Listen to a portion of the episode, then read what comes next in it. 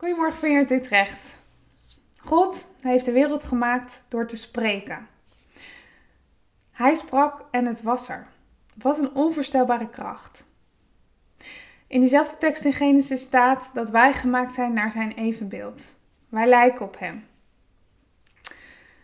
We zijn precies zo gemaakt zoals hij.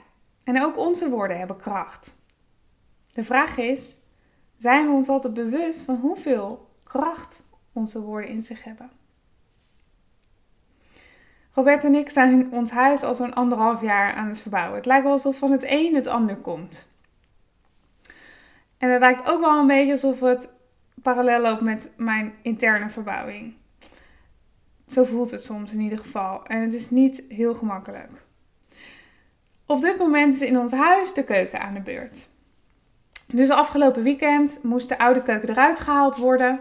En die had ik een paar weken geleden al te koop aangeboden op Marktplaats. Er was een koper op afgekomen en die zou hem eruit halen en meenemen. En ook uh, alles wat hij niet nodig had, zou hij afvoeren. Nou, voor een prima prijs. Dus uh, wij blij, hij blij, dacht ik. Totdat op zaterdagochtend de beste man niet kwam opdagen en ook niet bereikbaar was. Dus ik was kwaad en soortgelijke woorden ontstonden in mij. Woorden die bij die kwaadheid pasten. Gezien de krappe planning zijn Robert en ik toen zelf maar begonnen om eruit te halen. En heb ik hem natuurlijk gelijk weer op marktplaats gezet om hem te verkopen. Of om proberen hem opnieuw te verkopen. Gelukkig had ik hem dezelfde dag binnen een paar uur weer verkocht. En spraken we af dat de man de volgende dag zou komen uh, met een busje. En um, nou, dat is, zou dus zondag 12 uur zijn. Maar misschien voel je me al aankomen, ook zondag 12 uur was er niemand. En 2,5 uur later stonden er eindelijk twee mannen op de stoep, zonder busje, maar met een personenauto. Met allerlei vage excuses. Dus ik was echt woest. En van binnen barstte ik van de scheldwoorden. En ik weet natuurlijk ook al weken dat ik over dit onderwerp ga spreken. Dus ik dacht bij mezelf, ik kan die dingen niet hardop zeggen. Want ik wil niet hypocriet zijn. Echter, ik dacht de dingen wel. Dus wat zegt dat dan? Ik realiseerde me ineens dat God me misschien wel de mogelijkheid gaf om te oefenen. Een trainingssituatie om de theorie van deze preek in de praktijk te brengen. Om te oefenen. Ik heb de indruk voor vandaag dat God ons eh, het belang van onze woorden onder de aandacht wil brengen. Het doet ertoe wat je uitspreekt. Wat er uit je mond komt, heeft gevolgen. En God vindt het belangrijk dat we aandacht besteden aan wat we zeggen. Ik wil met jullie kijken naar de Bijbel. Wat zegt God over onze woorden? Waar komt het vandaan? En wat is het effect van onze tong op ons eigen leven? Jullie mogen nu uit Marcus 7, vers 1 tot 23 lezen. En dan spreek ik jullie zo weer. Jullie hebben net uit Marcus 7 gelezen. Dezelfde situatie wordt ook beschreven in een ander boek, het boek van Matthäus, in hoofdstuk 15. Er zit heel veel in die tekst, maar ik wil een paar dingen eruit halen. En een sleuteltekst is: wat uit onze mond komt, maakt ons onrein. En niet wat erin gaat. Ontgiften is populair op dit moment. Wellicht heb je het online al voorbij zien komen. Um, er worden allerlei soorten detoxes aangeboden. Alles om het lichaam schoon te krijgen, te ontgiften. We denken dat we ons lichaam moeten reinigen van alle voedsel, van alle ongezonde dingen, de troep die misschien in het voedsel zit. En natuurlijk zit daar wel een kern van waarheid in en is het belangrijk om goed voor je lichaam te zorgen en gezond eten helpt daarbij. Maar Jezus verlegt eigenlijk de focus naar iets wat belangrijker is. Want hij zegt niet wat je eet maakt je onrein, maar wat je zegt maakt je onrein. Hij zegt je lichaam is eigenlijk zo gemaakt dat het zichzelf reinigt. Je stopt iets erin en ergens komt er weer wat uit. Maar er is iets wat meer aandacht verdient. De dingen die uit je mond komen, want die maken je wel onrein. Het Griekse woord wat hier voor onrein gebruikt wordt is koinos. En dat betekent iets wat heilig is, behandelen als iets doorsnees of gewoons. Bijvoorbeeld, stel je hebt een parel en je hebt een steen. Een steentje gewoon, een kiezelsteentje of zo. Die parel behandel je heel anders dan die steen. Die steen kan je wegsmijten en dat maakt niks uit. Maar die parel, die hanteer je voorzichtig. De waarde is anders. Krijgt een andere plek en heeft een andere bestemming. Maar wat betekent dat nou in deze context? Onrein is dus eigenlijk jezelf degraderen van een plek naar een plek van iets wat God speciaal en apart gezet heeft tot iets heel doorsnee, reguliers, gewoons. Dus woorden uit je mond die onrein maken betekent niet dat je uiterlijk vies is of dat je lichamelijk vies bent, maar het berooft je van je apart gezet zijn, van je heiligheid. Dit gebeurt er dus als wij dingen uitspreken die niet in lijn zijn met God. Daarmee behandelen wij onszelf als gewoon, als iets niet speciaals, terwijl God ons een speciale plek gegeven heeft. Of in andere woorden, God verklaart ons heilig, maar wij kunnen ervoor kiezen om daarvan af te stappen. Je zou het kunnen zien als volgt. Stel je een prachtig paleis voor waar een koninklijke familie woont. Het is tegen etenstijd en een heerlijke geur van de kokst komt door de gangen je tegemoet. En op een gegeven moment is er een lakai die klingelt met een belletje. En dat is het moment dat de koninklijke familie aan tafel wordt verwacht in de eetzaal. Dus iedereen rept zich daar naartoe om aan de prachtig gedekte tafels met mooi linnen en goudbestek te gaan zitten en heerlijk eten opgediend te krijgen. Echter, er is één prins. Die loopt door de gangen voorbij de eetzaal, door de achterdeur naar buiten toe, door de tuin, richting de schuur en daar gaat hij in zijn mooie gewaad op zijn knieën uit de varkensdrog zitten eten. Dat is heel raar, toch? Want dat is niet de plek die hij gekregen heeft. De plek die voor hem bestemd is, is aan tafel. Waar het mooi opgedekt is en waar heerlijk eten wordt opgediend. En zo is het dus eigenlijk ook voor ons. God zet ons apart, verklaart ons heilig. Maar wij kiezen er helaas soms voor om onszelf te verlagen en te behandelen als iets gewoons. Dat doen we door lelijke woorden te zeggen die ons onrein maken, of ogenschijnlijk mooie woorden te zeggen die helemaal niet zo mooi zijn, die ons onrein maken. Kijk maar naar de religieuze leiders in de Bijbeltekst. Die zeiden iets wat in die tijd helemaal volgens de regels was dat handwassing symbool wat de Joden als traditie hebben, is niet om je handen te wassen om schone handen te krijgen voor het eten, want er wordt geen zeep gebruikt. Daar is het niet voor bedoeld.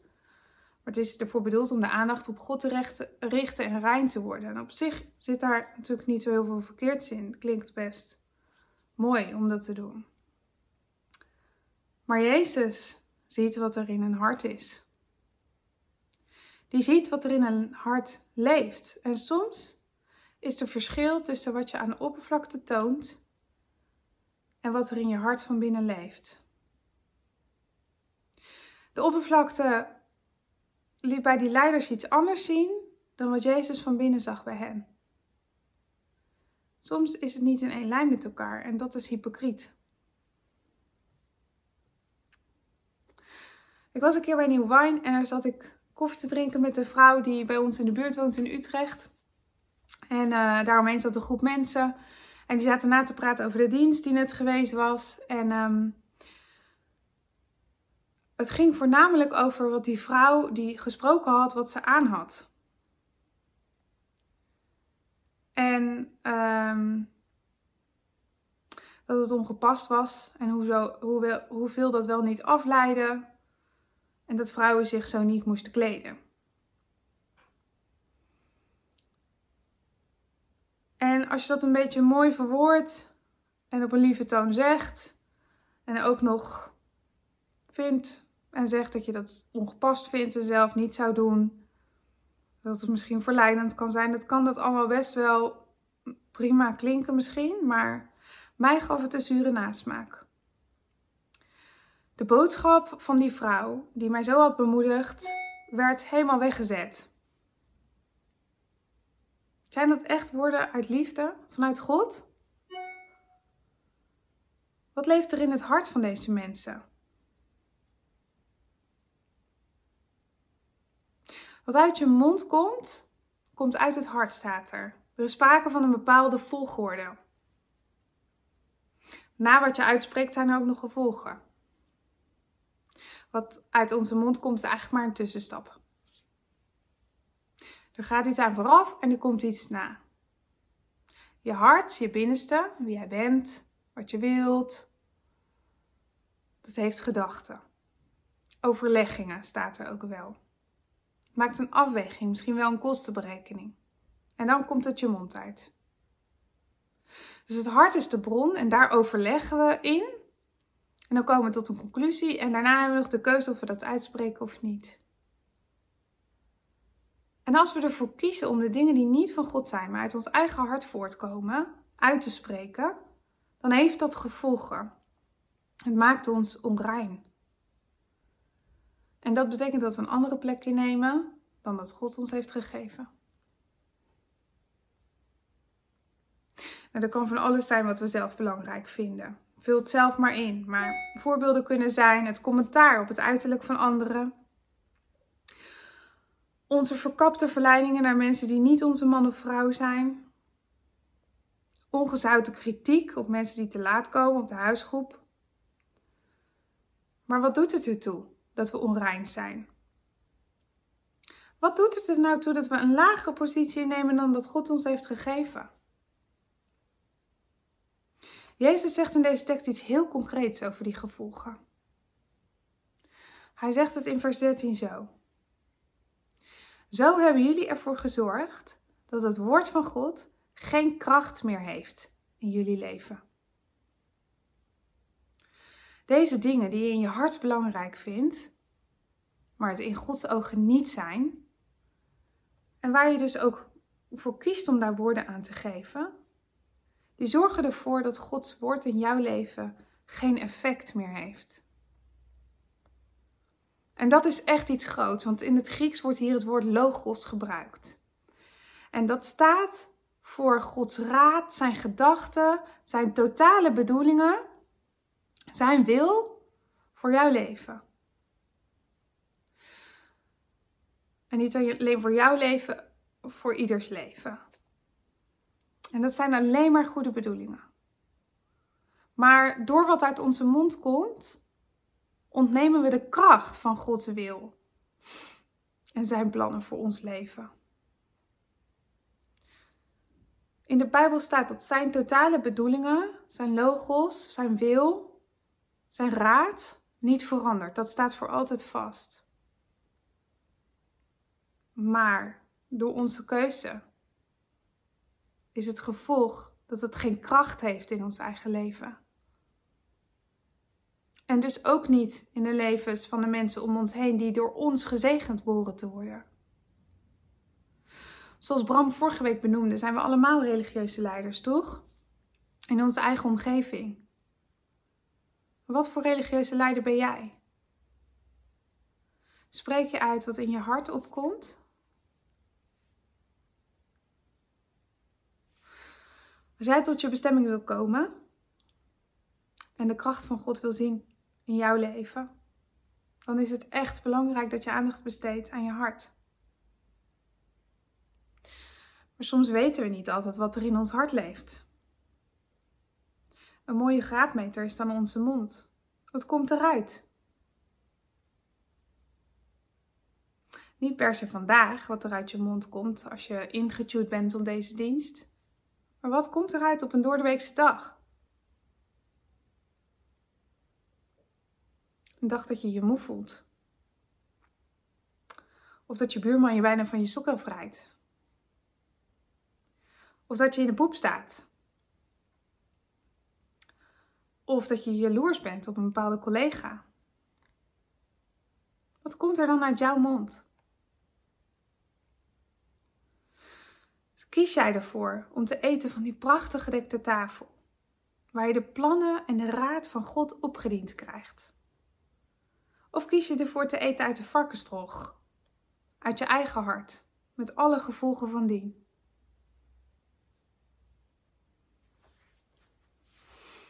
Natuurlijk leven wij vanuit genade. Voor ons is er altijd vergeving en herstel. Maar genade is niet bedoeld als goedkoop excuus.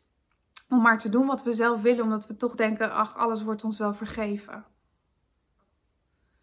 Ik las daar de volgende zin over. Ongezond leunen op genade ons gegeven is eigenlijk onverschilligheid.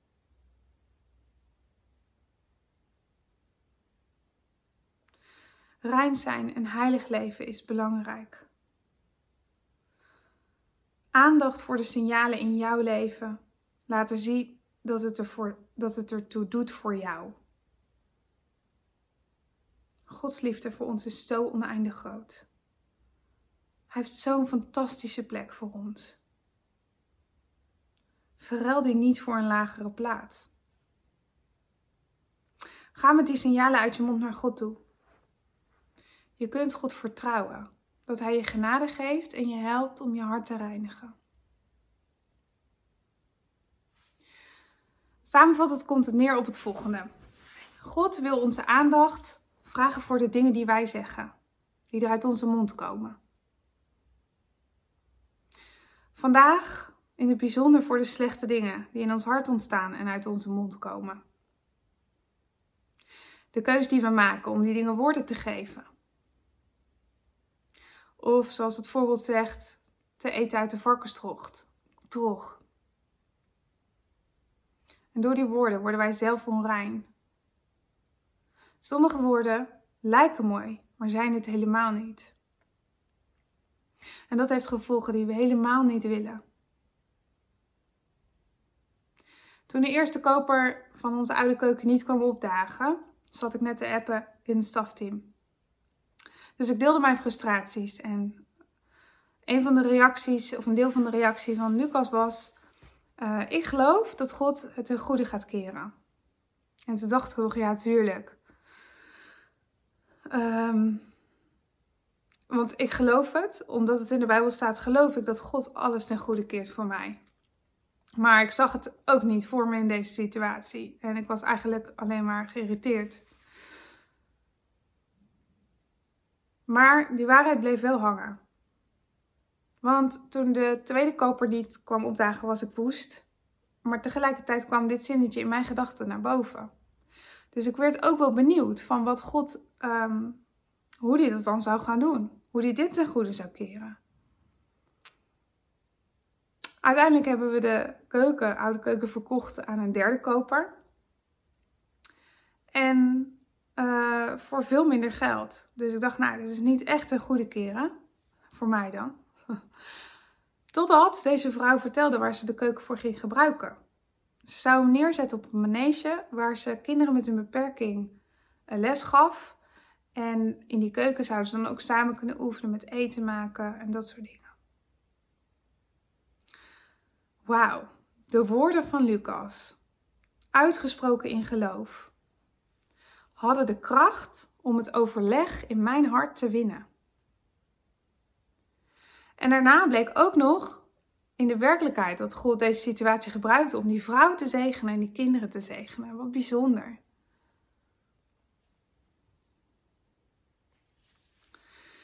Misschien moet jij tijdens het spreken ook wel denken aan bepaalde dingen die jij gezegd hebt. Of bepaalde woorden die jij soms vaker zegt. Of woorden die passen bij de plannen die je hart maakt. Bijvoorbeeld plannen voor verkeerde dingen op het gebied van seks. Of plannen voor diefstal. Of Plannen om ontrouw aan je man of je vrouw te zijn. Plannen voor bedrog, roddel, trots, hebzucht, etc. etc. Dus laten we het praktisch maken.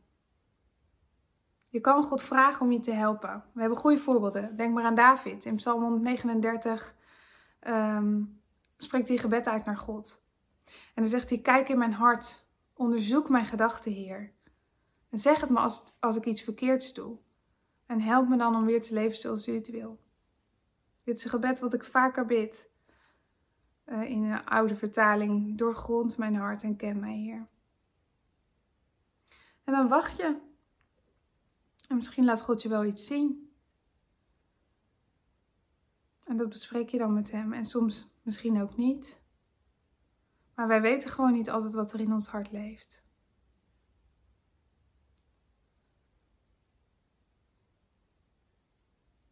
Je kan ook aandacht besteden aan je woorden. Op een relaxte manier. Niet door heel erg gefocust te zijn op wat je nu allemaal gaat zeggen. Maar vooral dat je het niet negeert. Dat je het niet voorbij laat gaan als je uh, zoiets zegt. Maar dat je er gelijk mee terug gaat naar God. Want je hoeft niet bang te zijn voor straf. Want God staat klaar om je genade te geven en je te vergeven. En je te helpen. Door het te benoemen komt er al verandering. En dan geeft God je situaties om het te oefenen. En tot slot heel belangrijk, lees uit Gods woord en luister naar zijn stem. Want zo op die manier kunnen de gedachten van ons hart worden veranderd naar de gedachten van God. Dan eet je dus eigenlijk van die mooie tafel. Je neemt als het ware de geweldige plannen van God voor jouw leven tot je. En dan gaan er andere dingen uit je mond komen. En die woorden die dan uit je mond stromen, brengen leven, genezing, heelheid, overvloed. Go for it. Jouw woorden, die doen ertoe.